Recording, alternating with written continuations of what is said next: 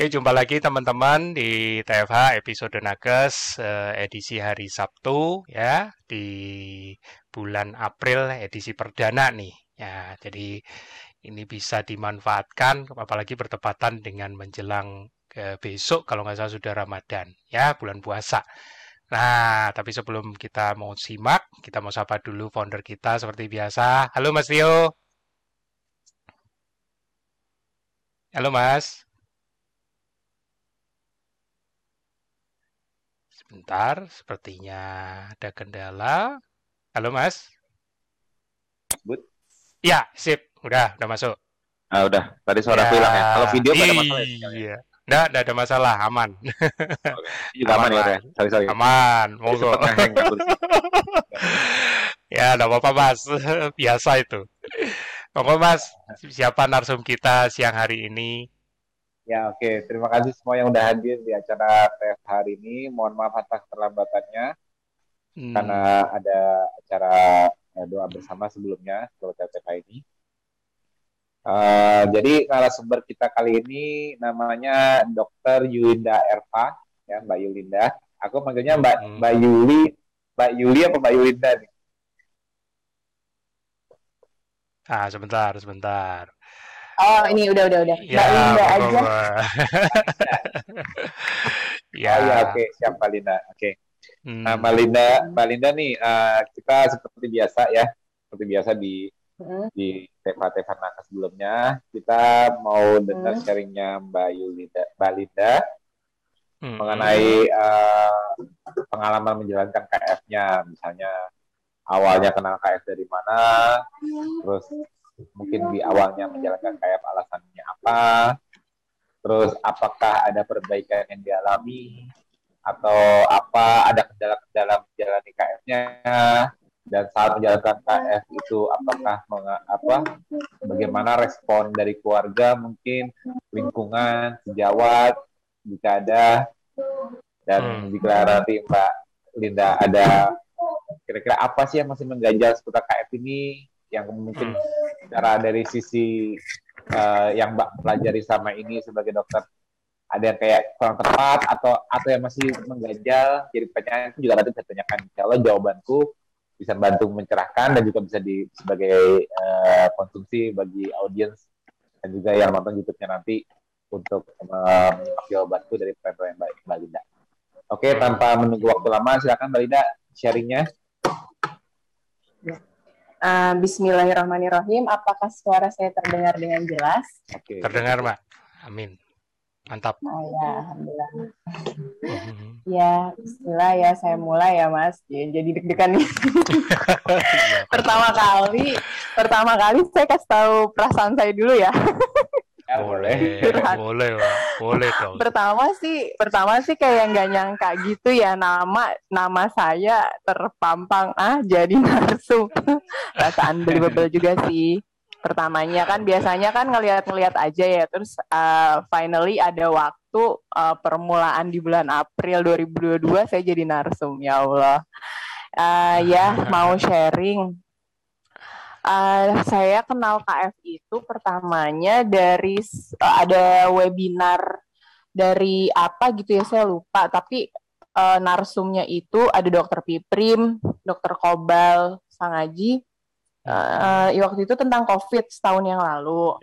Hmm. Terus eh, ah, kan itu excited banget karena ngomongin patofisiologi sampai ke seluler gitu kan. Hmm, hmm, Nah, hmm, terus s- apa bagus banget gitu. Nah, terus dari dari admin webinarnya itu bilang kalau masih ada pertanyaan, hmm, kalau ada pertanyaan eh, bisa ikut grup ini gitu kan. Nah, itu Kenapa grupnya bisa? Medcon ini ternyata.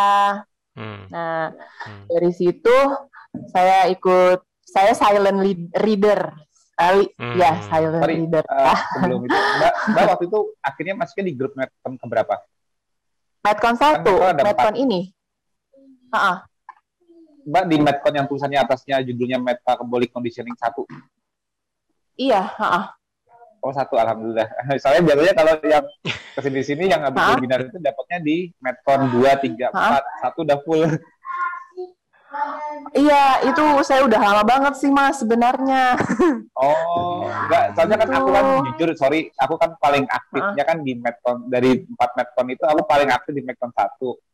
Ah. Kadang-kadang Ah. nanti ada share juga ke Medcon lain, tapi aku paling aktif kan Ah. di Medcon. Jadi Mbak selama ini ngikutin terus dong kalau aku apa sering apa sharing fisiologi apa ngobrol di Medcon satu ngikutin terus. Iya, Oh, alhamdulillah. ikutin terus.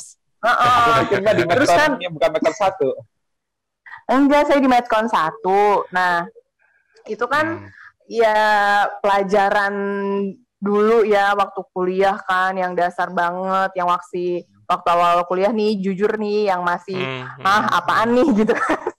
Apaan? yang masih kuliah tuh apa ya ya masih nggak mudeng lah ibaratnya. Hmm, Jadi kayak hmm, Waktu hmm. dulu tuh yang penting lulus lah gitu kan ya. Jadi ilmunya itu jujur aja nggak nggak terlalu apa ya nggak terlalu melekat lah bisa dibilang. Hmm, hmm, Hmm. hmm. Nah pas Mas Tio ngejelasin, masya Allah ini kayak dosen saya ya, ah, hebat banget gitu kan. Amazing, amazing mulu nih tiap hari deh pokoknya saya Mas Tio. gitu. Nah. Tapi Oh. bedanya, tapi bedanya malah Hah? merasa excited ya Hah? Mbak ya. Kalau dulu sama dosen kan Kenapa? dicuekin. Kalau kalau dulu sama dosen di kuliah dicuekin. Kalau ini kok bisa sih, kok bisa sih ditanyain terus malah malah Iya, pengen tahu. oh, oh. Iya betul Mas Budi. Oh. Dulu zaman kuliah ngantuk mulu Mas, itu kayak ngedongeng Mas. Aduh, parah banget ya. Untuk, untuk udah untuk udah apa? Untuk udah di wisuda kalau kan dibatalin. Enggak Mas, abis itu saya belajar sendiri Mas, jangan gitu dong. Wah, asik. belajar sendiri abis itu. lanjut lanjut lanjut. lanjut. Aduh. Iya, jadi dari situ saya mengenal KF. Nah, eh, saya apa? Ternyata kan ini sebenarnya leb- eh, ini ya aplikasinya sih intinya ya aplikasinya adalah eh, diet gitu bagaimana kita hidup sehat. Nah, tetapi ya begitu ya namanya eh godaannya berat, godaannya banyak nih Mas jujur. Hmm, hmm, hmm, hmm, hmm, hmm. Apa? Ah, jadi Manusiawi. ya eh, saya sempat ngejalanin loh mas beneran mas waktu pas lagi saya isoman. Waktu itu eh, mentor saya itu dokter apa ya ada namanya dokter siapa gitu. Rahasia cie. Nah itu saya KF tuh mas beneran. Hmm, Nah, terus enakan tuh ya pas lagi udah selesai isoman. Hmm. uh, lumayan tuh ngejalanin ka- uh, kayaknya ini ya godaannya banyak. Eh jadi tergoda lagi deh. Oh, gitu mas. Kendalanya Oke. sih. Ini sambil sambil ngomongin kendala ya mas ya. Hmm, Ya hmm. betul. tuh kendalanya. Terus uh, yang kedua mungkin karena dari dulu kan udah biasa ya orang Indonesia kalau nggak ketemu nasi nggak kenyang. Jadi Hmm, gitu hmm. itu itu kendala ya jadi kendala itu sebenarnya dari faktor eksternal dan internal kalau Hmm. dari internal yaitu karena mungkin faktor kebiasaan dari dulu udah biasa makan nasi terus kalau nggak makan nggak makan nasi belum makan Hmm. gitu Hmm. gitu terus internal ya terus internalnya faktor internal lagi yaitu masih belum kuat sama godaan terus yang ketiga mungkin eh, dari segi keilmuan belum nyantol semua gitu kan Hmm. Gitu. kalau faktor eksternal ya karena eh, terbiasa ya dari dulu kayak biasa budayanya makan nasi gitu ya jadinya belum bisa ngejalanin juga gitu untuk yang eksternalnya Hmm. gitu terus masih sama pondok mertua indah jadi masih belum bisa Tapi Oke. mertua gimana mertua eh, mau ngertiin gak dulu waktu waktu isoman yang tuh jalan KF gak makan nasi gitu? Hmm, iya nanyain kok nggak makan Kamu nasi nanti nanti lapar loh makan nasi? Ah, ah. nanti lapar loh nanti lemes loh gimana mau cepet sembuh gitu Ya, Hmm. buat tenaga, terus malah harus makan bubur mungkin ya. Disuruhnya makan bubur kali. iya kan kalau orang sakit di rumah sakit dikasih bubur Iya. Mm, Malah di meningkatkan indeks kalau glikemik malahan bubur. Iya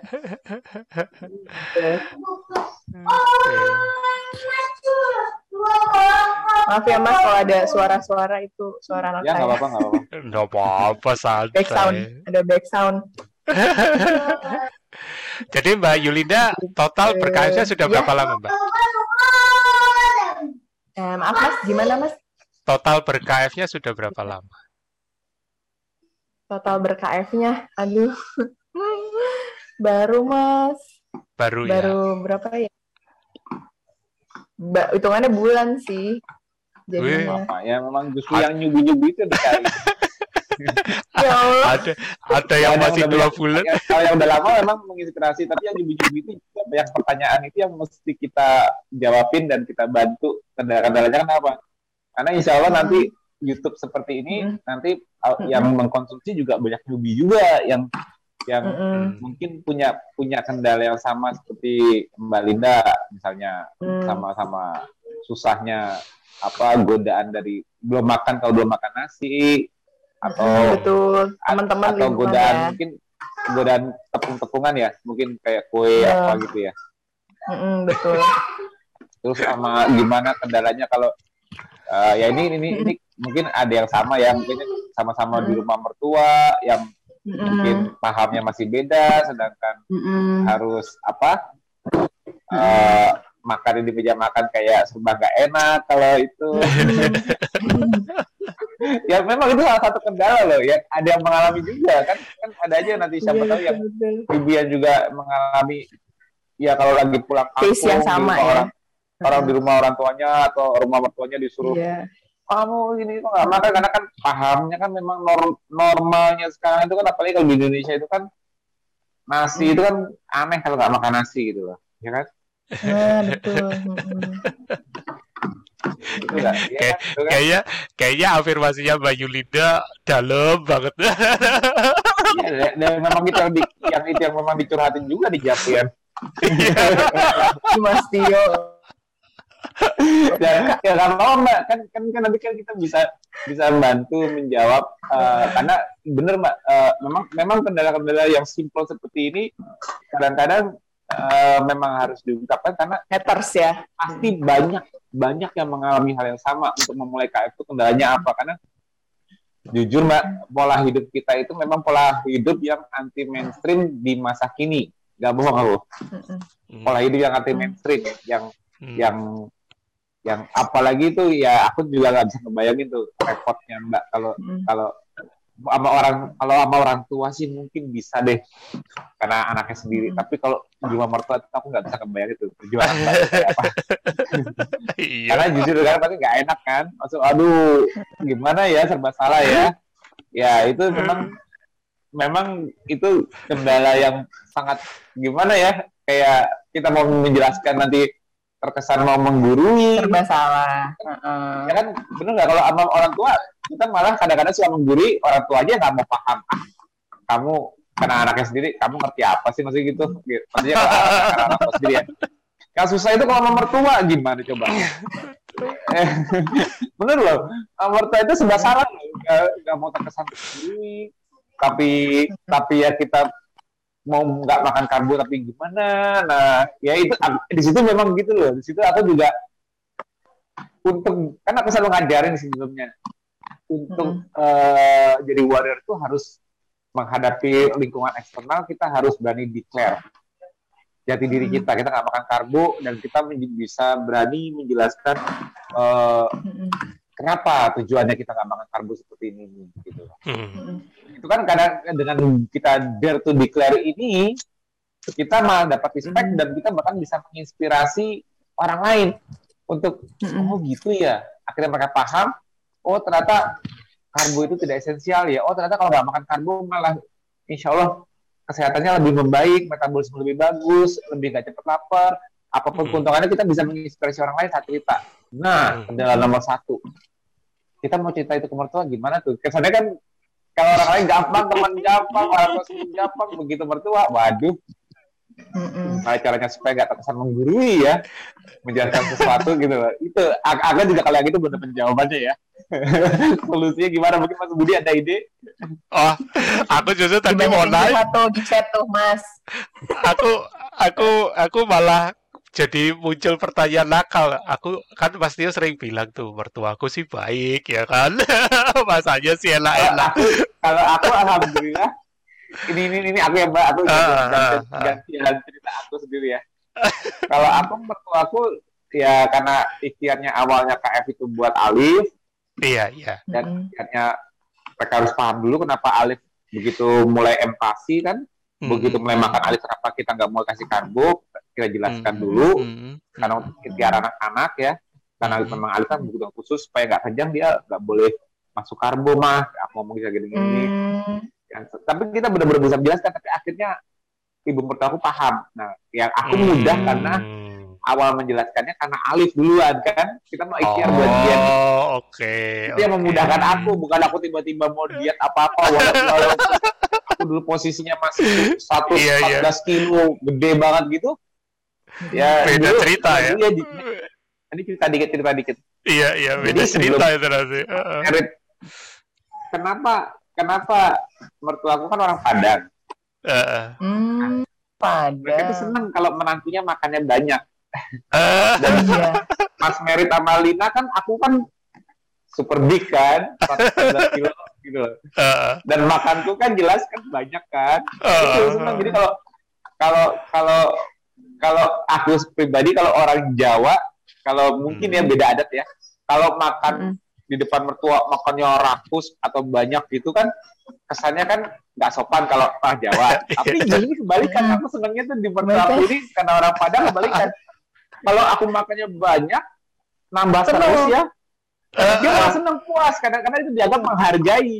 Ya ya jadi setelah dari Marlina wajar dong. Dari kalau nggak salah aku dulu 98 100 kilo tambah 14 kilo lagi wajar dong.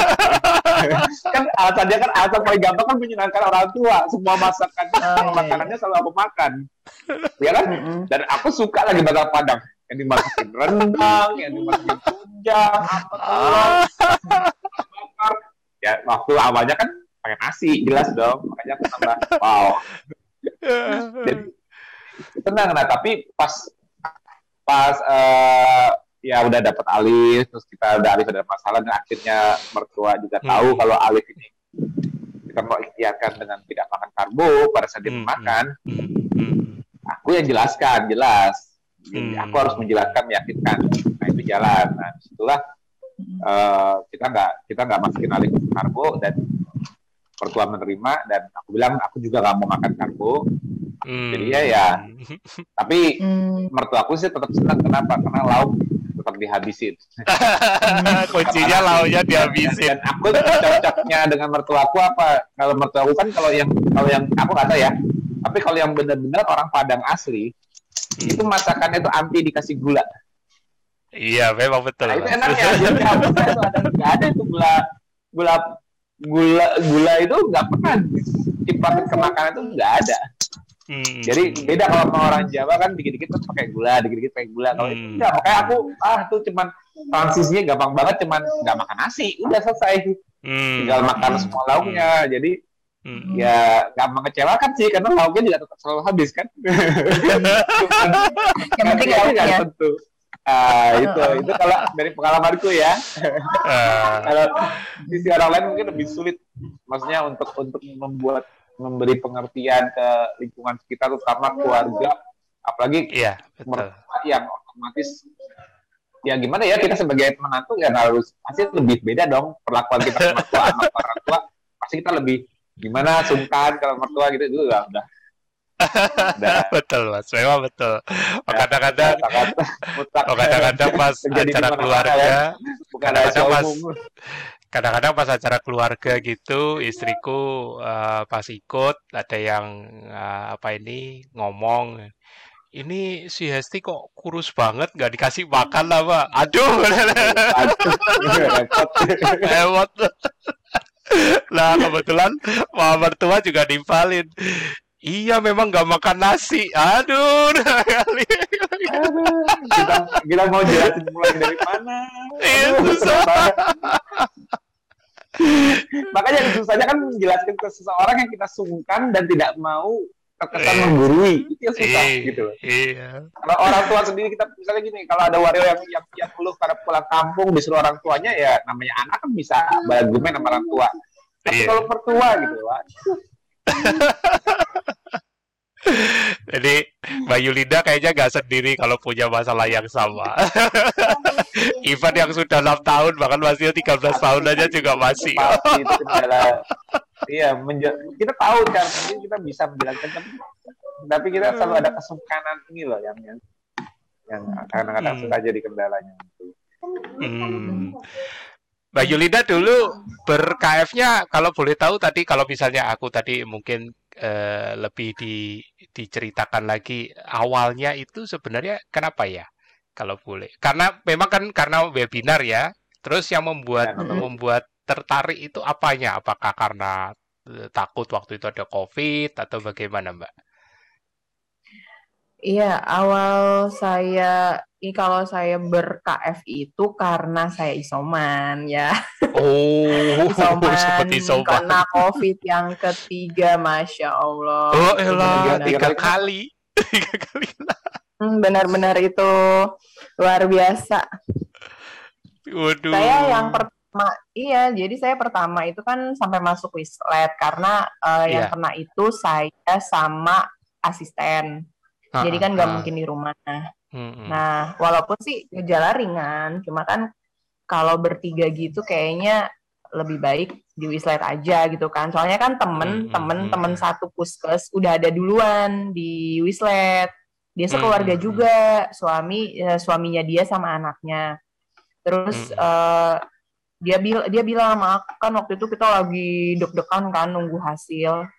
hmm. Terus dia dia japri aku kalau Lin kalau misalnya misalnya ada juga yang kena di rumah lebih baik Hmm, ke Wislet dia bilang gitu karena lebih nyaman kalau waktu dulu kan hmm, yang hmm. masih awal itu loh Mas yang tahun Iya. 2020 saya kena itu pertama kali ya udah Oh. kan akhirnya eh, Tapi satu itu juga, dia tapi itu juga ya.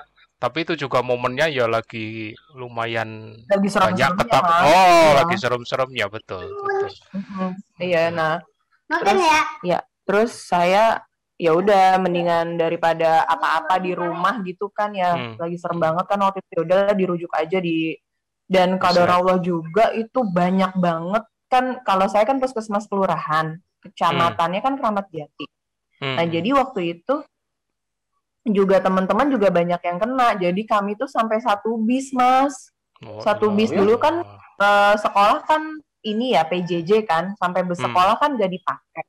Nah Hmm. di rujuknya itu pakai bus sekolah Ush. saking banyaknya dulu dulu tuh ya kan ya udah tuh udah udahlah ya alhamdulillah udah sehat. Nah Hmm. terus saya yang kedua ini saya nggak nggak tahu kalau saya kena nggak apa ya bukan nggak tahu apa sih lebih ke nggak ada gejala cuma gini doang eh, kok saya pilek ya? Kok Hmm. kayaknya nggak enak gitu kan? Ya Hmm, udah hmm, coba aja deh swab gitu. Dah positif gitu kan. Hmm, ya udah isoman di rumah karena cuma Hmm. saya doang yang kena. Hmm, yang lain keluarga nggak ada apa-apa ya udah dan available kan kalau waktu dulu Hmm, sih di hmm. rumah sih. Hmm. ya udah tuh udah selesai nah yang zaman zamannya ini mas De- delta ya kalau nggak salah ya iya Delta, delta ya. tuh Ya, yang zaman zamannya 2021. delta tuh iya tuh mas tuh Kena lagi. zaman zamannya delta wah itu parah banget Hmm. Saya lebih parah dari yang pertama. Kalau yang pertama kan emang ya ada gejala tapi ringan. Waktu Hmm. pas Delta, akhirnya saya di swab, wah benar positif. Tapi saya di rumah, cuma eh, available juga memungkinkan kalau saya bisa di rumah gitu kan waktu itu. Hmm. Eh, terus pas dari situ saya eh, apa sampai saturasi sempat turun gitu kan tapi saya cepet saya tetap baca-baca KF soalnya dulu kan Mas Tio ngomongin itu kan badai sitokin kan ya Mas ya Iya. Hmm. Semakin saya ingat banget tuh Hmm, hmm, dulu lagi bahas gencar-gencarnya badai sitokin ya ya udah saya mencegah jangan sampai terjadi badai sitokin Hmm, udah saya hmm, baca-baca hmm. juga grup Medcon terus waktu itu ini yang apa siapa yang mau pilih mentor gitu ya Mas ingat nggak Mas Oh Tio? ya, grup Kalau isoman. yang Kita lagi isoman. Hmm, hmm, hmm, Iya, hmm, ah, ah. kalau ada yang mau milih mentor silakan mau milih siapa gitu kan? Hmm, hmm, hmm. Oh iya. Ya. Nah, ya udah dari situ deh saya ada mentor saya yang di grup Medcon udah kasih tahu gitu. Saya ber-KF. Alhamdulillah Hmm, gejalanya cepet cepet perbaikan. hmm. Terus setelah isoman eh, saya masih ngejalanin KF bertahan berapa bulan gitu ya. Eh, itu lagi Mas. Terus i- biasalah omongan orang yang itu kayak istrinya Mas Budi itu loh. Ih, kamu sih. Aduh, Oh iya karena pengaruh itu. gitu ya. kayaknya gimana gitu deh. Aduh, kalau cewek tuh udah body shaming tuh, ah, Aduh. ah, kayaknya petir. Tensi ya dengan body shaming. Oh, bener deh. Kalau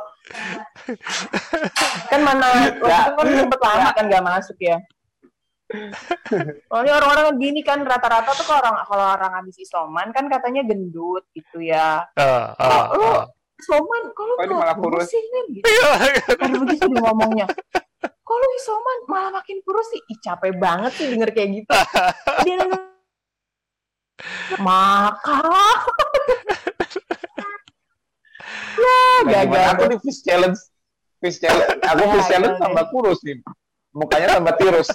Pada kaget orang-orang pas aku Iya. lima minggu cuma makan ikan aja habis badanku maksudnya ya body fatnya turun tapi ya kalau badan kan nggak nggak nggak nggak kelihatan kurus kan maksudnya cuma Iya. Mm-mm. bisa ditolong muka dan leher nih jadi kecil pipi dia lebih tirus Mm. makanya jadi Mm-mm. aku juga di, di jalan-jalan aku di body shaming lagi Oh cowok mah, cowok mah ini mas bebal, kebal kupingnya. Ah. Kebal kalau kita Iya, cowok mah. Berarti berarti nanti Mbak Yulinda mesti minta tipsnya Hmm. gimana supaya bebel deh. Tapi jujur waktu waktu jalan KKM kan pasti lebih enak dong badannya rasanya juga lebih sehat saya juga pokoknya lebih fit lah jauh kan Mm-mm. Lingkar perut Hmm. berkurang gitu kan, badan kayak ringan gitu. Hmm. Nah, itu memang nggak bisa dibohongin gitu. keuntungannya cuman ya kebanyakan para warrior juga juga atau yang nyebut kebanyakan mereka kendalanya ya respon dari lingkungan sekitar yang bilang oh kamu keputusan kamu gini gini gini gini gini jadinya ayo makannya apa udah makan nasinya lagi gini. Berarti Tapi Mbak rasakan, Mbak rasakan kalau kemaru masuk karbo gimana rasanya apa lebih sehat apa lebih betul, enak betul, betul itu. Iya, ya pas gitu emang sih jadi malah jadi lebih gampang capek gitu kan. Hmm. jadi Hmm. cepat lapar Nah, bawaannya iya, malah- kayaknya untuk tenaga harus makan dulu baru bertenaga tapi nanti cepat turun dan lapar lagi betul gak? Iya bener, heeh. harus harus isi bensin dulu. Isi bensin dulu. Konsepnya betul ya betul mbak dia benar mas Iya, benar. eh, eh, kalau orang makan karbo itu tenaganya memang harus makan dulu baru tenaga kalau kita kan bangun tidur kita bisa narik tenaga dari tangki bensin yang ada gitu Betul, betul. Iya, Mas Tio jelasin itu ya Mas ya. refill Hmm. ya kan Hmm. jadi kita jatuhnya benar-benar kayak mobil mas jadi Hmm. kita eh, naik kita naik mobil Hmm. terus pas udah mau pulang kita mampir ke pom bensin itu ngas namanya apa refill refill bensinnya Isi kan? lagi. Tangki. Iya, ah, Tangki, refill ya. tankinya. ya kan? Nggak Hmm. mobil nggak ada kan? Eh, mau ke mana pom bensin biar mobil gue bisa jalan? Nah cara yang pom bensin gimana? Kan nggak gitu. Mau, mau, mau, mau ngasih mobil makan biar bisa jalan. Kan enggak kalau ke pom bensin berarti isi lagi bensinnya kalau yang kurang Iya. Supaya besok bisa dipakai lagi. Ya kita kita juga sama sekarang. Kalau kita makan kita cuma ngisi bensin refill tapi kita realnya untuk untuk mobil berjalan atau kita menggunakan lokomotor kita kita Hmm. tidak ketergantungan. Harus makan lebih dulu sejak bangun di pagi hari. Betul nggak? Hmm. Ya kan? Jadi apa bedanya kita dalam mobil? Kalau sama aja kalau kita makan sama aja kayak mobil ke pom bensin refill tangki bensin. Kita refill fuel kita juga untuk di, untuk dipakainya besok atau nanti nggak nggak nggak makan tenaga baru jalan nggak konsepnya udah beda gitu lah Berarti Mbak Yulinda dulu eh, aku aku sedikit summarize nih. Berarti eh, pas setelah kena yang Delta baru Mm. lihat webinar itu kemudian terapin KF itu ya. Eh, ngeliat webinarnya udah setahun ya, setahun kan webinar itu 2020 Ah. kan, kalau nggak salah ya mas ya. Oh, ada dua memang, yang 2020 sama 2021 kalau nggak salah.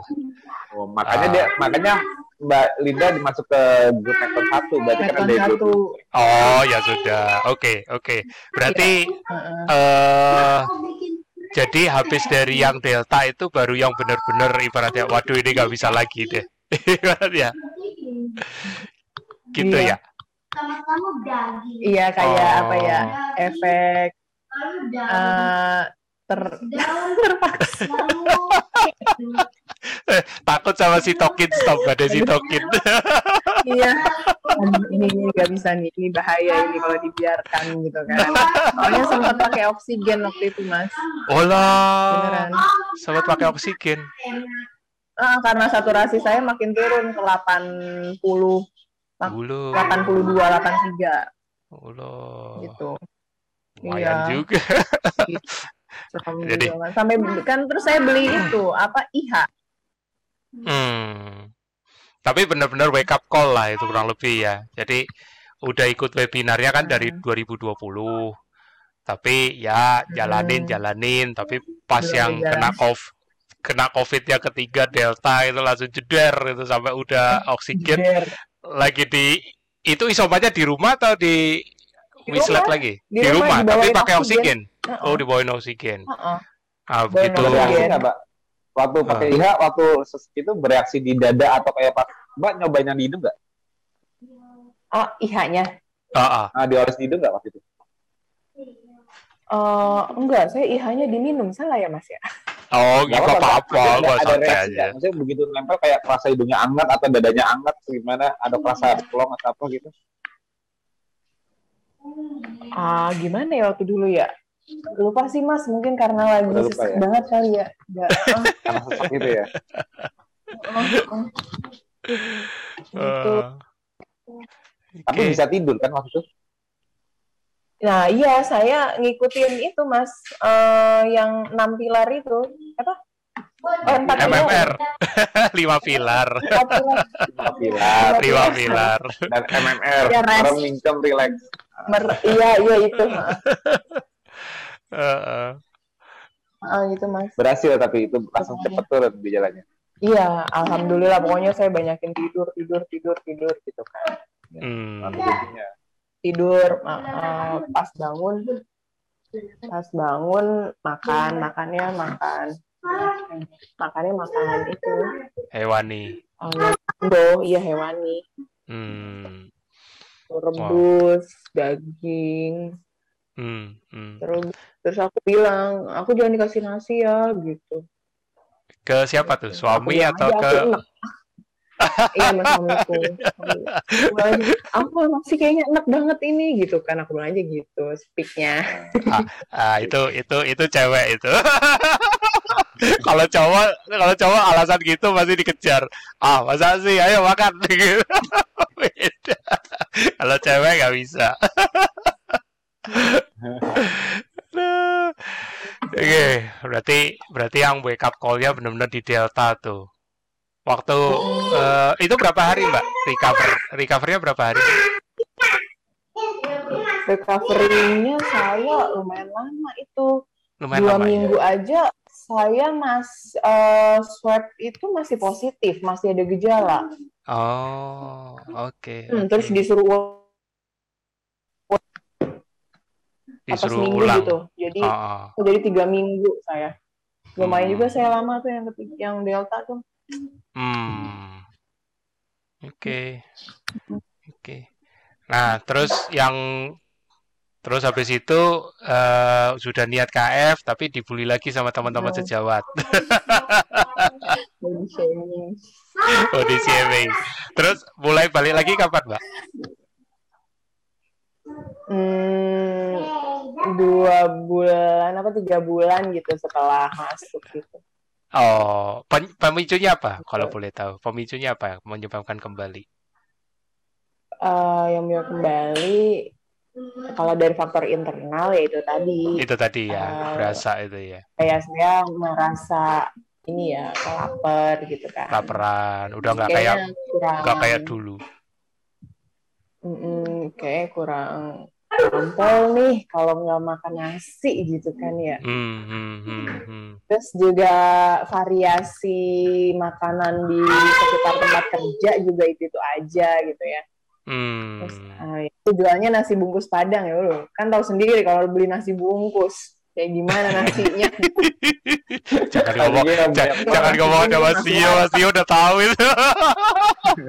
Dia spesialis Padang dulu. Sampai sekarang juga masih pecinta Padang kok. Tanpa nasi. Gila. Eh, Oke, jadi eh udah udah gitu. Nah, Tapi tapi Mbak Yu, Mbak Linda ini aku kemarin sebelum ngajak dia ngajak dia ke acara ini eh, karena tadinya Mbak Linda lagi japri aku. oh iya, nggak cerita Mbak masalah kalau diizinin Eh, loh. Nah, tapi Ya mungkin sih katanya janji nggak kasih tahu nih. Nggak boleh, Mas. ini, ini, ini kan bukan masalah itu masalah masalah ilmu pengetahuan kan Oh iya. ya kan kenapa nggak sharing ilmu pengetahuan nah, tapi aku sukanya apa dia tertarik dengan fisiologi Ah, fisiologi apa tuh, Mas? Fisiologi apa dia tuh? dia dia dia dia tertarik dengan fisiologi maksudnya aku ngaj- ngajarin sampai akhirnya karena karena ada pada japri aku nggak bisa kan kan Mbak Linda kan Ah, pengennya ah. telepon ya udah boleh nggak apa-apa ya itu kita Ah. ngobrol banyak lebar mengenai fisiologi Wih. Ngajar Pak dosen, Pak dosen. Konsep, konsep dasar berpikir. Karena nanti kalau misalnya Insya Allah Mbak Linda jadi melanjutkan Ah, untuk ah, apa eh, sekolah haji, ah. aku sarannya untuk agar mudah menangkap ilmu dari dosen, kita harus tahu fondasinya dulu. Ah. Kan ilmunya kan pasti kan textbook ya. Aku sih nggak pernah melalui jalur textbook kalau belajar secara Ah. ini kan kalau kedokteran kan pasti textbook itu ada kayak kurikulum betul nggak sih mbak? Aku kan nggak pernah lewat kedokteran. Iya, Pasti ada betul. kurikulumnya. Iya, Modul, memang modul. betul. Jadi Ada, Ada modul kan? modulnya. kuliah ah, modul Tapi yang mau di telepon itu Mbak dengarnya seperti modul apa fondasi? Fondasi nggak modul itu maksudnya ini mas eh, kurikulumnya modul modul fisiologi gitu. Oh, Hmm. Mm-mm. kalau ambil di telepon kemarin gimana Mbak? Mbak cepet Itu- paham ya aku? Ya, ntar mas ada iklan. Nggak apa-apa, santai. Kalau yang waktu kemarin jelasin itu, ya itu, itu eh, apa ya enak gitu ngejelasinnya kayak buku tapi eh, seperti di buku tapi lebih cara penyampaiannya enak gitu. Hmm. Mas. Mm. Kan kalau buku kan nggak bisa animasinya kan, nggak bisa analoginya. Mas, oh, mau bilangnya Mbak Yuli, Mbak Linda itu Mas Tio buku berjalan yang bisa ngomong. Justru aku senangnya tuh kalau lagi berusaha jelas, jelasin fisiologi itu aku pengen nyari cara aku menjelaskan udah sederhana belum ya? Maksudnya udah bisa dibayang, ngebayanginnya bisa nggak ya gitu. Hmm. Hmm. Hmm. Boleh boleh nggak aku aku, Iya. aku cerita ulang sebentar apa yang aku jelasin ke Mbak Linda? Cara fondasi berpikir untuk mempelajari Hmm. fisiologi kehidupan. Ulang di sini boleh ya? Oh, ya, bentar mas.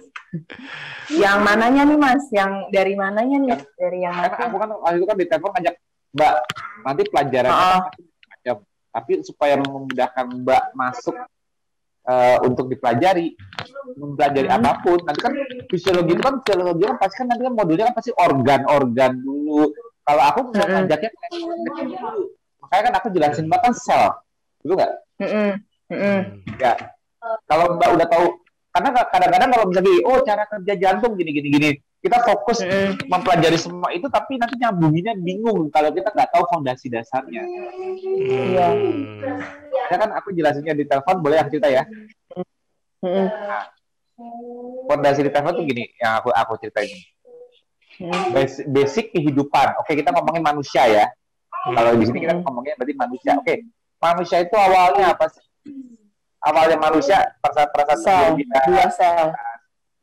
Itu kan manusia itu kan merupakan gabungan hasil dari gabungan dari sperma dan ovum di mana di mana eh, basic dari sel itu ialah DNA atau materi genetik di dalam sel itu yang merupakan kode yang kode universal yang bisa menghasilkan. Jadi jadi gini ada suatu buku nih buku buku suatu sel yang nanti kalau buku ini direplikasikan akan menghasilkan suatu fungsi. Contohnya Bukan, kita sebagai manusia dengan berbagai macam fungsi kita kita bisa bergerak bernafas berbicara. Kemampuan sekompleks ini itu diawali cuman dengan satu kan double helix DNA di mana merupakan sumbangan dari orang tuanya Hmm. Ya setengah Hmm. setengah dari bapaknya setengah dari ibunya Hmm. membentuk DNA ya akhirnya double helix ya menjadi zigot ya akhirnya berkembang menjadi janin bayi lahir ke muka Manusia. Hmm. nah, manusia dengan fungsi-fungsinya ya kan Hmm.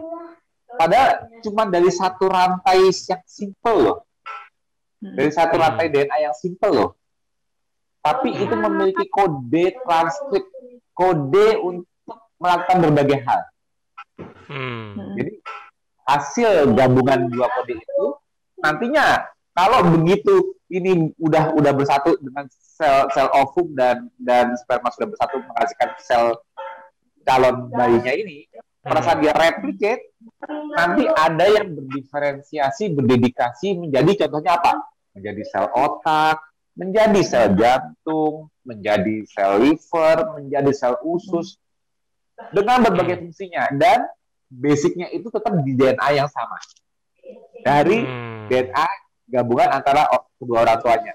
Tapi pada saat dia menjadi sel otak, artinya dari dari rantai genetik itu hanya fungsi otak yang dibuka saat dia bereplikasi menjadi sel otak. Jadi fungsi-fungsi otak bisa dijalankan oleh sel otak karena rantai DNA-nya itu dibuka yang mana bisa ditranskripsikan untuk melakukan fungsi sel otak. Tapi Hmm. di situ juga masih ada catatannya untuk melakukan fungsi sel jantung, sel liver, sel imun, sel apa pun di Hmm. tubuh kita ada catatannya, cuma nggak bisa dibaca di blok. Hanya Hmm. untuk sel otak itulah cara sel dari dari sel yang stem cell jatuhnya yang yang yang multipoten artinya bisa menjadi sel apa pun saat dia mature atau berdiferensiasi artinya apa? Dia hanya mengizinkan sel materi genetiknya bisa ditranskripsikan sesuai dengan fungsinya sel tersebut ditakdirkan atau mature-nya dewasanya ke arah mana. Itu sebutnya namanya diferensiasi. Hmm. dari basic itu barulah menjadi berbagai organ. Nantinya menjadi kumpulan-kumpulan sel ini menjadi sel ja- menjadi organ jantung organ liver dan sebagainya. Nah itu fondasi dasar sebelum kita belajar fisiologi yang lebih kompleks lagi nantinya. Tapi ada tahu. Nah nanti begitu menjelang dapat biokimia itu kan modul yang berbeda lagi. Nanti kan bingung tuh. Benar nggak? Hmm. Supaya kita benar-benar ngerti biokimia itu fungsinya apa nanti aja dulu dari basic pengetahuan sel tersebut cara melakukan fungsinya barulah kita belajar biokimia tapi karena kan menghasilkan reaksi-reaksi kimia yang dibutuhkan untuk melakukan fungsi betul kan Hmm. Hmm. Iya. Tapi kita mempelajari engineering-nya dulu nih. Kalau suatu sel yang sudah mature, sudah berdiferensiasi, contohnya jadi sel otak, sel jantung, cara dia melakukan fungsinya gimana? Artinya dia harus mentranskripsikan kode materi genetik yang dibuka di sel jantung misalnya untuk kita menjadi suatu bentuk reaksi kimia baru. Caranya gimana? Dicopas, menghasilkan messenger RNA, ya rantai rantai kode nukleotid RNA. Messenger RNA ini dikirim keluar dari inti sel ke mesin pencetaknya untuk mentranslasikan namanya ribosom. Nah, makanya aku ngajar itu dari basic sel dengan organel-organelnya tahu fungsi engineering-nya dulu di satu sel. Hmm. Nanti kalau udah mereka jadi organ itu cuma koordinasi, koordinasi sel. Tapi untuk mempelajari kayak biar nggak mumet, kalau mbak kan dulu dapat PCA cycle atau Krebs cycle itu apa, glikolisis cuma sekilas, atau de novo lipogenesis, tahunya itu kayak rantai kimia tapi nggak tahu itu terjadinya di mana kan mbak?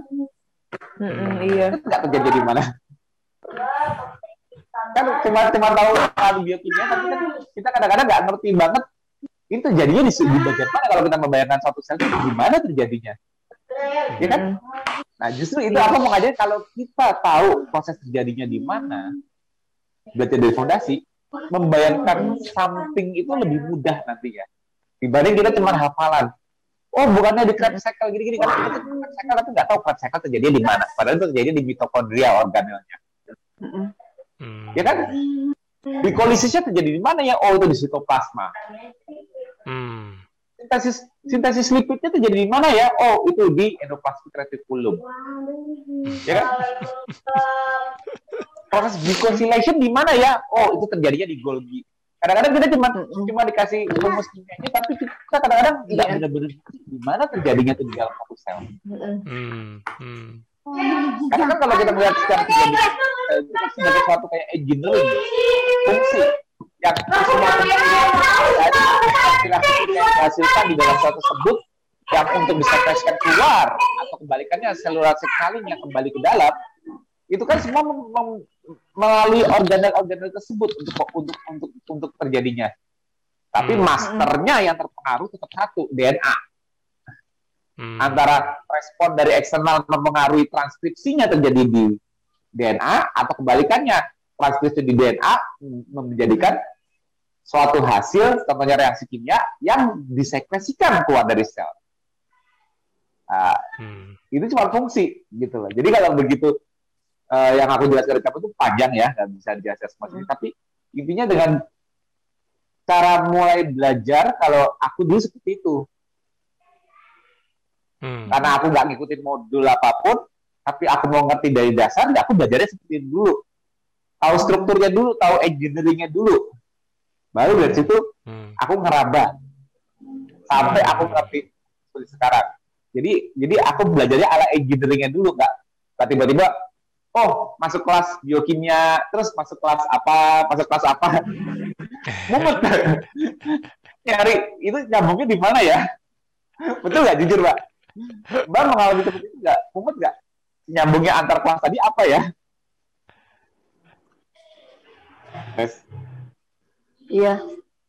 Eh, Iya gitu, mungkin karena dikejar awas juga Ya, ya. Karena Kalau kalau ya sayang gitu kan, sayang. terus fokusnya ke nilai mungkin kali ya, ya Hmm, salah bisa. saya Hmm. sih.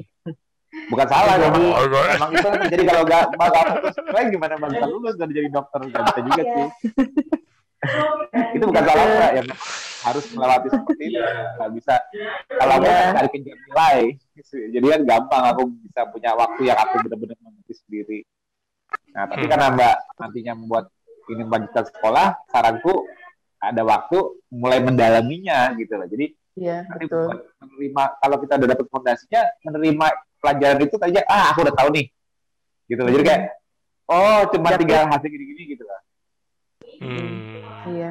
Hmm. nah itu itu basic basic fisiologinya tapi kalau menurut dari penjelasan-penjelasan Bu KF ini make sense nggak secara fisiologi Mbak?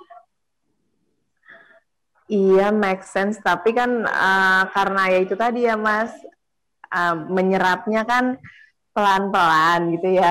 Cuma jadi mungkin uh, baru berapa persen gitu yang nyerap. Uh, nah ya udah jadi mungkin Mas Tio boleh mena ibaratnya gini ya maaf ya seperti siraman rohani ya. Ini enggak enggak enggak maksud ini ya Mas ya. agama apa pun lah maksudnya ya, Iya, agama iya, apa pun iya. gitu kan. Keimanan keimanan kan naik turun ya. Oh jadi- ya. Heeh. Me, mecas keimanan kita tuh misalnya kalau dalam Islam kan ikut majelis taklim misalnya Hmm, dengerin hmm, ceramah. hmm, Nah hmm. ini ya KF ini mungkin untuk menambah keimanan. keyakinan, Nah itu motivasi. butuh ya. siraman rohani dari Pak Ustadz Tio itu. Jadi jangan dong, jangan dikasih satu. Dikasih gelar RM aja berat kok. KF maksudnya iya ya RM Raden Mas eh, suhu kan panjang ya RM aja sering dites suhu. Suhu KF gitu siraman rohaninya maksudnya Mas Tio gitu Mas Iya. gitu Mas simpelnya aja buat buat ya yang eh, udah early 40 jadi kan mungkin eh, loadingnya tuh udah agak-agak lama ya Mas jadi mungkin harus yang eh, simple gitu Iya, memang. Ya, ya ini makanya ada sama Mas Budi itu belajarnya belajar mensimpelkan sekarang. Kalau dulu aku jalurnya jalur keras, maksudnya apa yang aku tahu aku aku lepehin langsung, tapi orang pada bingung. Ya dengan adanya TFA TFA seperti ini, pelan-pelan aku juga belajar menyederhanakan fisiologi-fisiologi yang tadinya sulit gitu loh maksudnya. Hmm. Yang kayak ngomongin sel kan rumit banget, Oh, apa itu sampai level sel organ karena aku sering, apa itu karena aku ada forum lepeh di headphone satu ya itulah makanya aku keluarin di sana kadang-kadang begitu aku bawa ke TFH aku udah ketemu cara menyederhanakan lagi yang masih berat mungkin Heeh. yang langsung aku keluar bulat-bulat berikut jurnalnya mungkin di headphone satu tapi tapi begitu dibawa secara forum TFH gini sambil ngobrol apa-apa Hmm. tiba-tiba tem kepikir oh ya sederhanakan seperti ini deh sederhanakan Hmm. seperti ini deh nanti jadi ya akhirnya ketemu aja hal-hal baru yang bisa disederhanakan iya Memang memang Ah. paling enak itu nggak dikejar nilai ya Mbak Yulinda ya. ya pastilah Mas ya anggap aja itu eh, nggak apa ya nggak ada nilainya. Nggak nggak bukan nggak ada nilainya maksudnya bukan nggak ada Jangan nanti, nilainya. nanti nggak lulus lulus kayak gitu. Jadi nggak lulus ya mas. Abadi dong saya ya. nanti. Ya, itu lah kerja kan pasti lulusnya semua orang. Sekolah kan pasti itu. Tapi ya untuk Iya. mendalaminya lagi memang kita kadang-kadang harus otodidak sendiri aja mendingan Betul. Tapi jujur, eh aku aku nggak tahu sih. Aku aku aja yang nggak ada background eh, medis ya, nggak ada biologi sama kayak Mas Tio itu makin paham Hmm. itu makin exciting gitu. Jadi kayak kayak nemuin Mm-mm. oh ini ngeklopnya ke sini, oh ini sambungan ini ngeklopnya ke sini, makin Mm-mm. exciting. Lah aku nggak bisa bayangin kalau misalnya nakes itu semua punya eh, ekspresi feeling yang sama, kehausan yang sama. Wah, itu bisa luar biasa banget itu. Iya kan? Iya, jadi gini Mas Budi, Mas Tio, eh, setiap yang jadi mahasiswa yang masuk dalam kedokteran ya, itu itu Hmm. nggak ada kalau menurut saya ya. Setiap angkatan pasti nggak mungkin ada 100% yang keinginannya dia gitu, Mas. gitu. Memang, Iya beneran memang jadi sih, memang benar, Ah, memang benar. Heeh, kayak gitu. Jadi Ah. makanya mungkin Keinginan siapa dong? ya apa? keinginan siapa ada orang tuanya ya Ah, iya sih. Ya. Sebenarnya ada pengen. Cuma nggak full, cuma nggak full sih, jujur aja. Cuma nggak full. Ya, cita-cita Ah, itu tapi biasanya lama-lama, lama-lama menikmati sih, lama-lama. Kadang-kadang memang cita-cita itu kan tidak lepas dari ya mimpi juga kan, mimpi yang terkait dengan ya kita tahulah. Tapi kan kadang-kadang pada saat menjalani, oh ternyata susah juga ya, kadang-kadang ada sampai frustasi, ya kan. Ya, makanya bersyukur aja kita, aku, eh, Mas Tio itu bersyukur banget ya. Dari dulu mimpinya dia kan cari yang bisa seimbang. Minimal bisa ngobrol bio biomolekuler itu, wah itu seneng banget. gitu. Tapi makin ke sini ya menikmati juga sih Mas Tio untuk mengawamkan itu suatu dunia yang baru juga gitu ibaratnya. Ya. Jadi itu, Eh, itu eh, ya Mbak. Lanjut. maaf Mas, mungkin gini. Hmm. Kalau ada cara apa? Cara untuk menerangkan kayak pakai bikin karikatur atau kartun Ah. gitu, Mas. Itu Bikin PR Mas ininya. Itu. Aduh. Animasi. Kan ini juga itu. Animasi, Ayo. aduh susah banget sih aku mau ngomong animasi Iya. satu kata itu. Iya, itu benar benar Mas. aku setuju maksudnya maksudnya Mas Budi itu sebetulnya gini kan aku kan kadang-kadang kan menjelaskan sesuatu itu kan fisiologi kan gambarnya sebetulnya ada di kepala Iya. aku kan Gambar kalau di grup Medcon satu kan Dituangin. cari dulu di Google gambar yang mendukung baru Ah, habis aku cerita apa-apa baru gambarnya aku cari di Google aku kasih nih yang Hmm. aku maksud seperti ini loh jalurnya gitu loh mm. tapi kalau Tuh ada yang mau bagian warnain tuh. kalau kalau Cia warnain tapi dia juga ekspresinya juga mabuk ambil warnain dia mabuk. Iya, Mas. kayak Ya. tadi itu membayangkan animasinya 3D Ah. nya itu loh ya Eh, itu Mas Mas Tio maaf Mas Budi itu di Hmm. YouTube eh, Hmm. saya baru nemuin eh, ada nama YouTube-nya itu Armando Hasidungan. Oh iya. Ini uh, Iya, no offense ya. Nah itu kalau pernah ngeliat itu bagus banget dia. Dia Hmm. yang gambar, dia yang ngejelasin iya betul itu. ah, ah, dia animasi kayak gitu kan. Wah jadi Iya, eh, siklus hepatik apa semuanya. Iya siklus Iya, hepatik dia. ya. Wah keren banget ini ya. Wah ini kalau dari dulu ada Malah dengan animasi ini. kayak gitu yang si Armando Hasibuang itu dia tapi aku bener mas aku pernah nonton ya Armando Tahu kan itu ya, Mas, ya? Hasudungan. Hmm. Ah, ah. Armando Hasudungan. Hasudungan, ya. Hasudungan. Iya, Hasudungan. Iya, iya, ya, saya salah ada- ngomong. Maaf. Oh, dia bikin animasinya Ya, memang Iya. segmen itu eh, beragam, mulai dari yang memang pengen tahu detailnya langsung, ada yang baru istilah umum aja juga udah keriting, ada yang model begitu. Jadi memang Ya, kita harus contohnya. bisa nem- nempatin juga kalau kalau mau pukul rata eh, full kayak eh, misalnya yang tadi Mbak Linda bilang eh, tidak semua orang bisa menikmati gitu kan. Ada yang keteteran juga. Ini, tapi ini aku melihat sih teman-teman komunitas sudah mulai paham. Kita li, tiga tahun yang lalu istilah gluconeogenesis itu nggak familiar. iya betul Sekarang udah paham loh orang-orang hebat. orang-orang awam itu. Oh kita glukosanya dari GNG. Uh, udah bisa disingkat lagi. Iya, jadi, Seru. jadi, jadi uniknya alhamdulillahnya nih mbak alhamdulillahnya ya Hmm. dengan komunitas KF itu bikin awareness science meningkat di kalangan Wah, Hmm, betul, betul. karena, karena dulu dulu orang awam tuh mungkin nggak tahu insulin itu apa mungkin nggak tahu Nah, prosesnya di mana mungkin nggak tahu betul. Ngomong diabetes aja sakit gula. Nah, Iya. Diabetes mellitus itu ngomongnya ya sakit gula. Enggak, saya Ah. enggak, enggak diabetes. Saya sakit gula. Iya. Iya. Makanya makanya aku senangnya aku senangnya awareness awareness para warrior itu di KF itu sekarang mereka yang tadinya orang awam tapi akhirnya vocab-vocab atau isinya pemahaman-pemahaman yang Iya, vocabulary ya, vocabulary kedokteran. hanya terdap, hanya dipikirnya itu hanya didapat di kedokteran tapi mereka pelan-pelan mereka juga paham. Malah kadang-kadang ada yang warrior cerita karena saya jelasin waktu itu pakai bisnis dengan gitu mas dia saya jelasin dokter saya bahwa gini gini gini dokter tapi dia bisa ngerti apa dia omongin dokter dia bilang oh ada dari dari medis juga ya? enggak saya bukan dari medis kok tahu? Gini gini kayak dia ngomongin gitu gitu ngomongin di polisi. Oh ini kan kalau udah baca kayak gitu kan pikir "Ini kayaknya orang medis nih. Padahal bukan itu karena ilmu ilmu yang di itu akhirnya dia ngikutin akhirnya dia ikut paham padahal orang awam gitu loh. Iya, Iya. itu. enggak gitu loh. Alhamdulillah loh.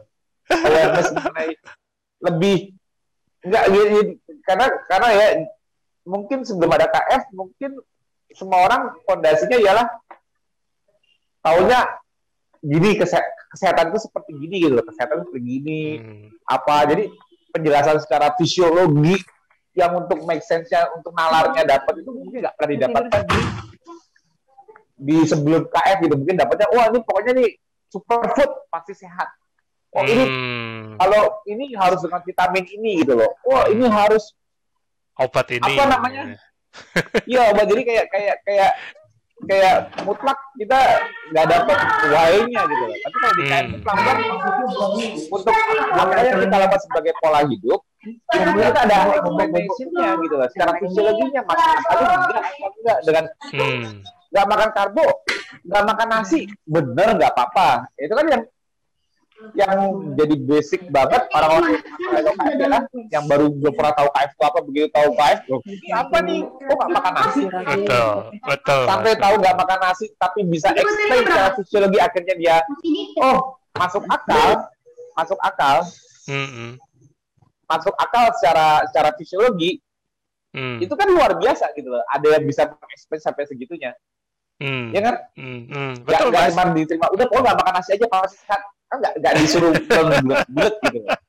Itu. dikasih nalarnya dulu analoginya explain secara saintifiknya Hmm. baru dapat nah itu itu, itu itu aku, aku rasa mungkin sebelum KF ada di Indonesia mungkin belum orang-orang di grup-grup lain belum sampai segitu ya mas Iya, belum sampai se- sedetail kita kalau ngomong gitu Memang.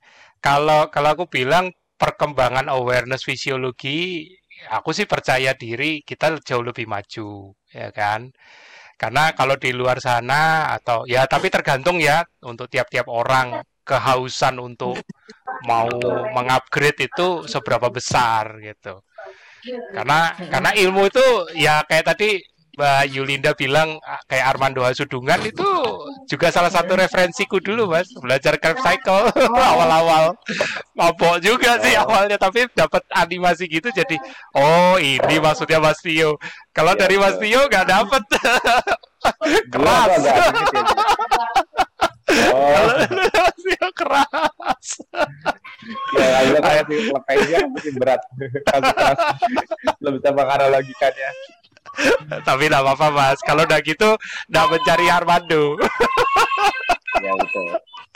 gitu. Ya, Mbak Jala bilang gambarnya keluar-keluar di kenapa Aku dulu jelasin tuh pakai gambar, aduh, aku nggak tahu, aku kayak jelasin kayak orang udah pasti ngerti gitu. Padahal pas udah selesai jelasin, dia kok gambar gambarnya jadi ruwet ya.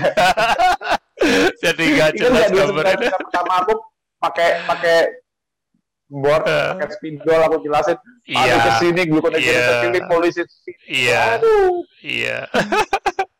Apalagi Mas Tio udah ada tablet. Wah, tambah kruwel-kruwel lagi di tabletnya. ya, aku ada tablet, aku sebentar pertama udah mulai keluar lagi, semua di garis kepala gini.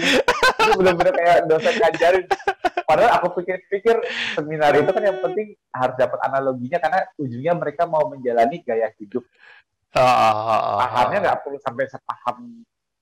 Ya mungkin itu memang seminar untuk dokter kali ya, dokter yang mau memahami KF bener Ah. apa enggak sih? Mungkin cocok Ah. ya. Tapi waktu itu kan aku kan mengisi itu di seminar-seminar yang isinya orang awam.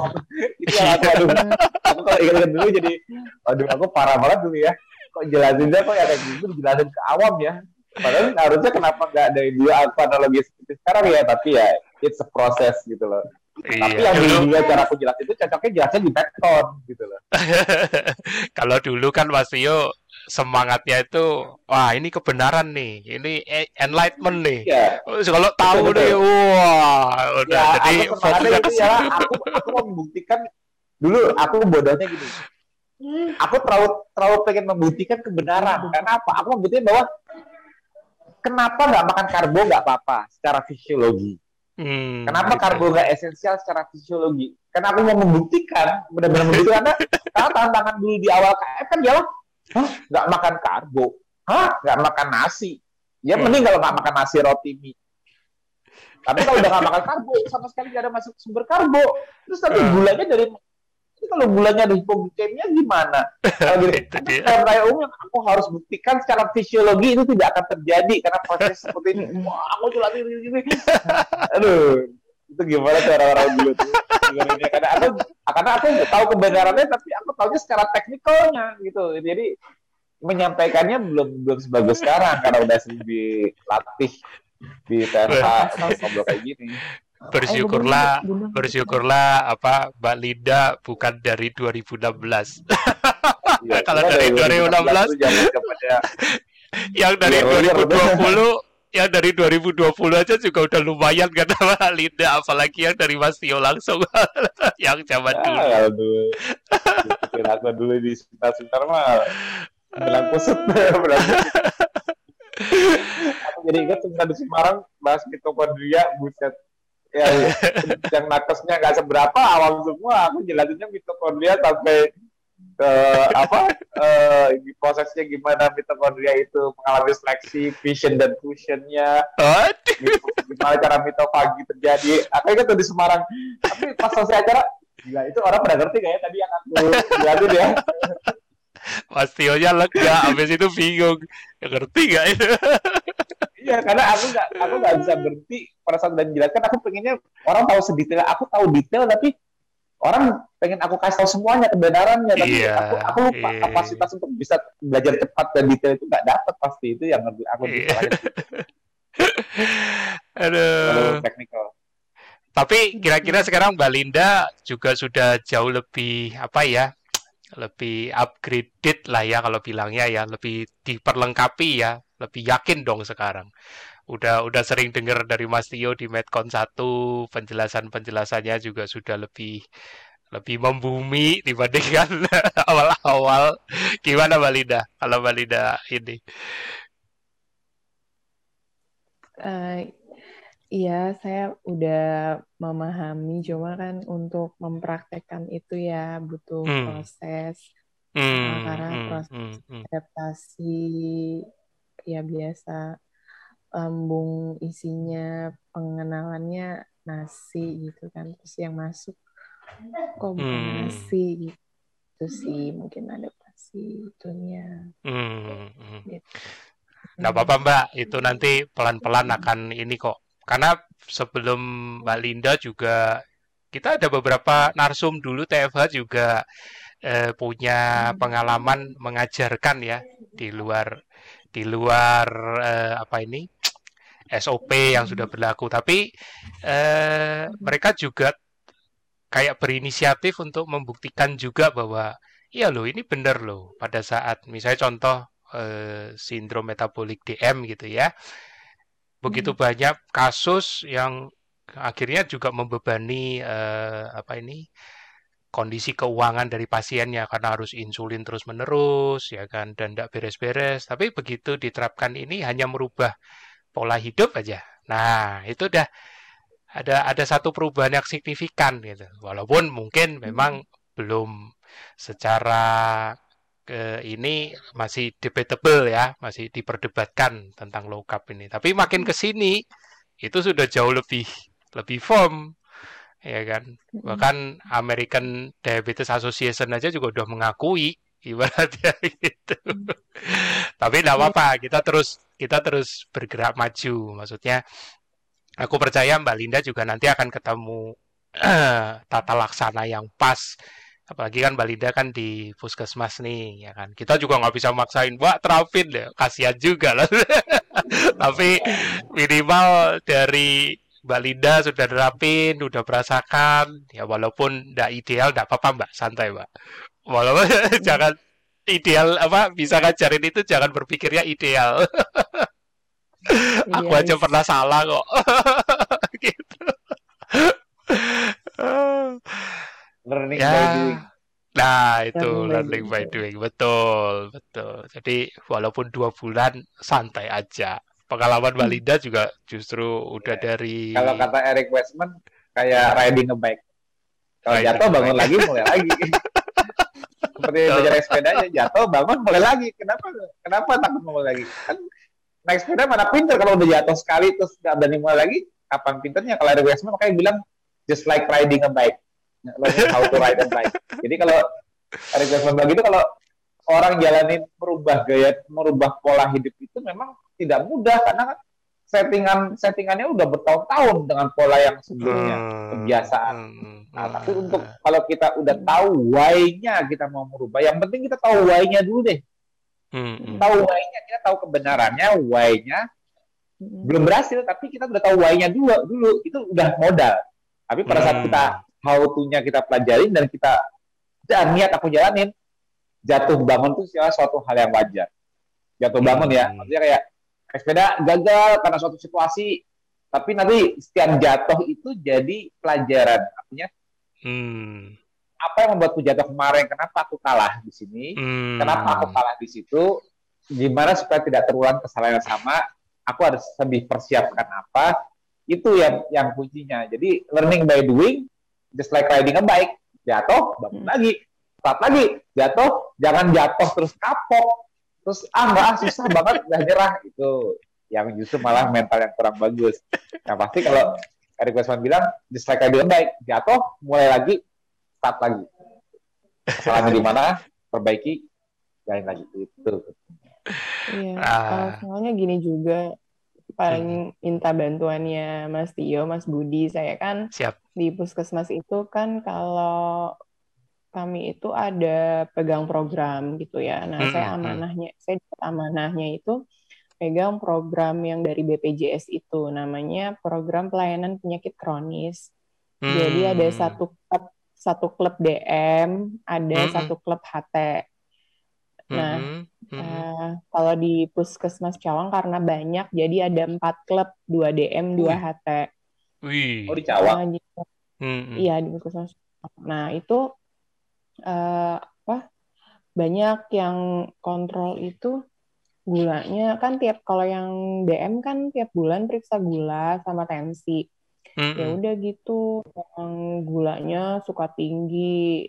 Hmm. Ya mungkin ya KF bagus kalau misalnya uh, bisa dibantu dari Mas Budi, Mas Tio ada uh, video yang itu kan dia awam ya, awam Mm, gitu mm, dan mm, kebanyakan usianya lanjut. Ada juga sih yang masih muda-muda umur 40-an. Mudanya 40-an ya. Iya. Ya saya mudanya 40. Enggak sih saya 40. Mudanya 40.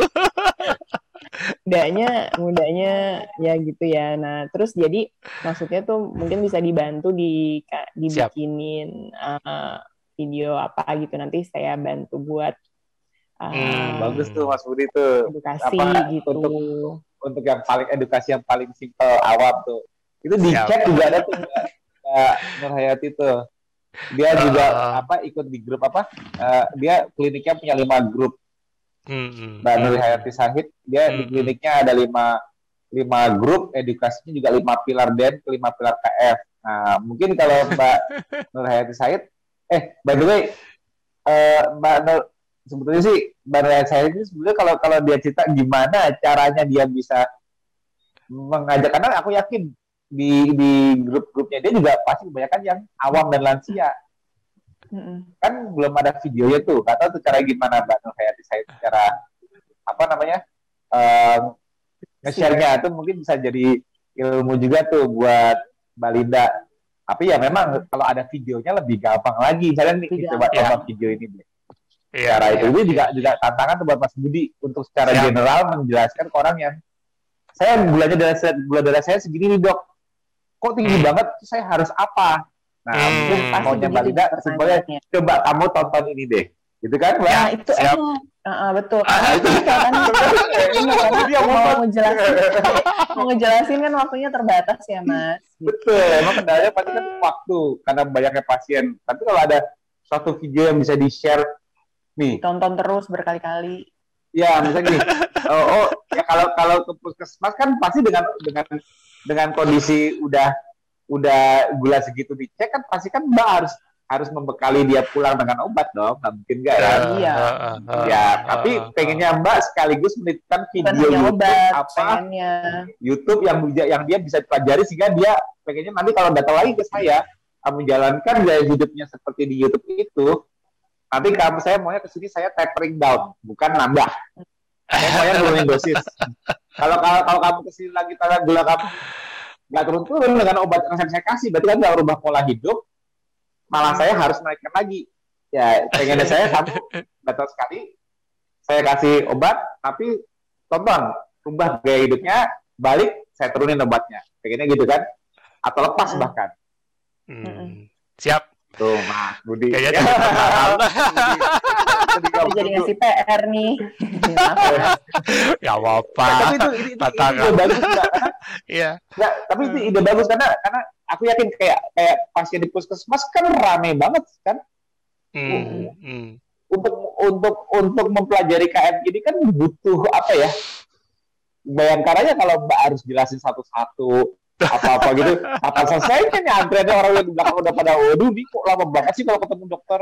Enggak kan repot nah mungkin pengennya Mbak Lina itu seperti itu. Jadi Siap. jadi eh, treating tapi juga menyiapkan ajuvan Penting tapi terapinya. lurus. Itu tapi lurus.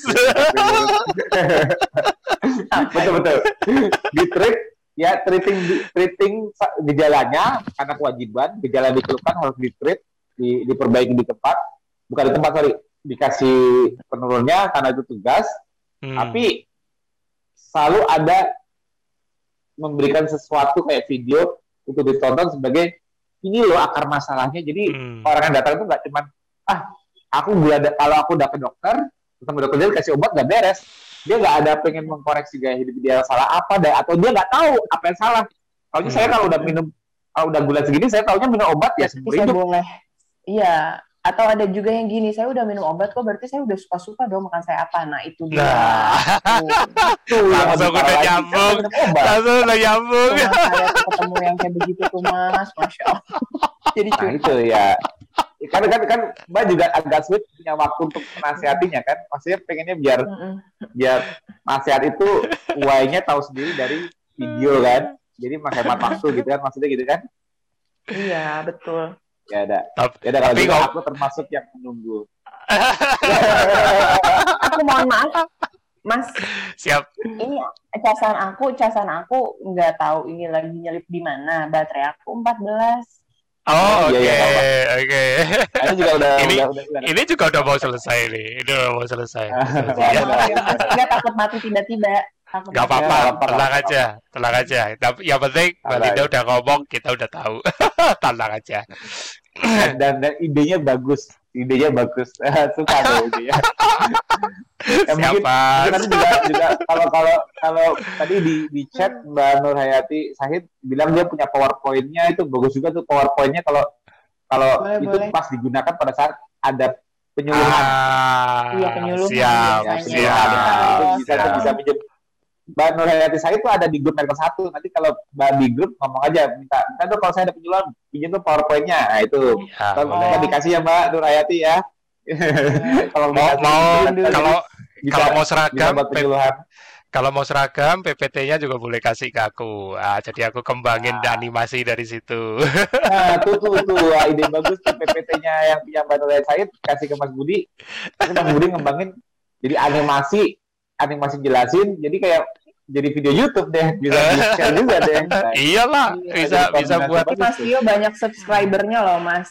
Nanti ya, ya kan untuk untuk apa kemanfaatan bersama juga, ya kan? Iya, iya. Gitu.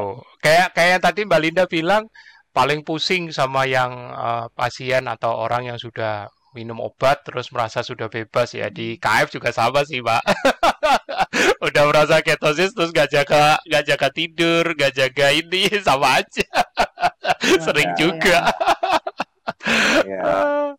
Jadi itu itu sifat alami manusia memang. Jadi pada saat merasa fit, pada saat merasa sudah lebih bagus, stamina lebih enak, nah kadang-kadang lupa diri. Ya kan. Tapi Iya, itu iya. itu manusiawi, ya kan. Karena pada dasarnya kan tidak ada man- tidak ada orang yang mau sakit itu loh. Ya kan. Jadi begitu sudah apalagi ke udah dapat obat gitu ya, pikirnya wah habis minum ini aman gitu kan. Padahal tidak ada tanggung jawab yang tetap harus dijalankan. Istirahatkan badannya, rubah pola hidup kan gitu. Kalau enggak dokternya nanti pusing kayak Mbak Linda. Bolak-balik Iya. datang obatnya habis, bolak-balik datang minta Iya. tambah Dan terus. juga dokter itu keterbatasan waktu. Ya, aku sangat mengerti banget. Dokter itu dokter itu nggak bisa menyampaikan seperti kita karena mereka juga keterbatasan waktu. Nggak Iya, mungkin berjam-jam dengan pasien, Betul. ya kan? Curhat. Kan dia harus harus ada efektifnya, e- efektif cara untuk menghemat waktu bekerjanya gitu kan. Iya, iya. Betul sih, memang harus harus ada something yang simply bisa dikasih sebagai ini coba deh Yes. tonton ini. Yes. Aku nggak ada waktu yes. jadi tapi tonton. Nah, gitu. Hmm. Jadi itu kayak ide bagus tuh bisa diterapkan. Nanti banyak pasti insya Allah banyak kalau Mas Budi jadi mungkin di grup Medcon banyak juga yang bisa dokter-dokter lain yang juga bakal ngambil YouTube-nya atau PowerPoint-nya Hmm, untuk membuat orang lain apa Hmm. bisa simplinya mereka memahami gitu ya.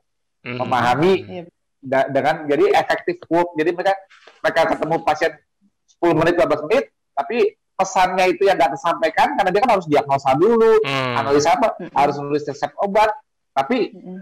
nih kamu buka link ini, kamu buka ini atau apa YouTube YouTube ini, tak coba deh Hmm. kamu pelajari di situ deh. Hmm. Insya Allah nanti obatnya kita taper down kalau kamu benar-benar menjalaninya. Hmm. Sip. Mungkin kayak gitu. itu untuk ya kayak bekal ya. Benar juga sih bekal itu dibutuhkan karena susahnya dokter itu kan para nakes ini kan susahnya ialah waktu. Hmm. Waktu ini betul mas. Kita aja kita aja butuh waktu lama kan banyak dan lama untuk menye- mem- mencerahkan seseorang kan. Nah, Kayaknya dia. cuman cuman kita yang nggak pakai jadwal praktek, Mas. ya. Jangan Teva. Oke, Mbak Linda, monggo kasih closing statement. Moga-moga baterainya Ya, masih cukup. dulu nih sebelum Silakan. Ya ini udah Oh. udah Iya. merah-merah.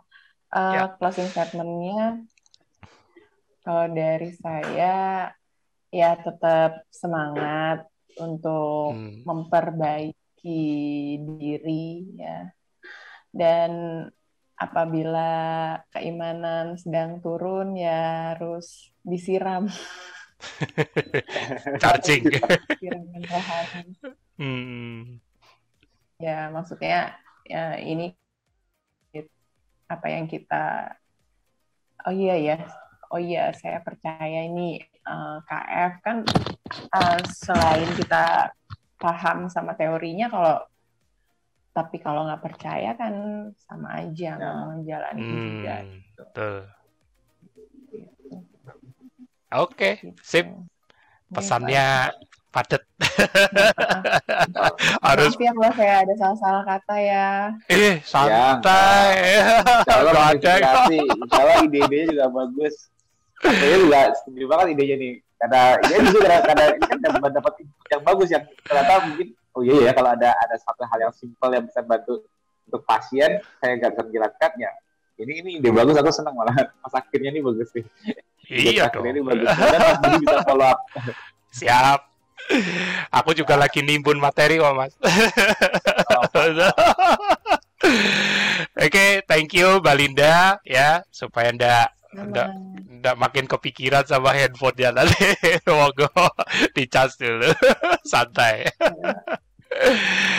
Ya makasih banyak. Pak.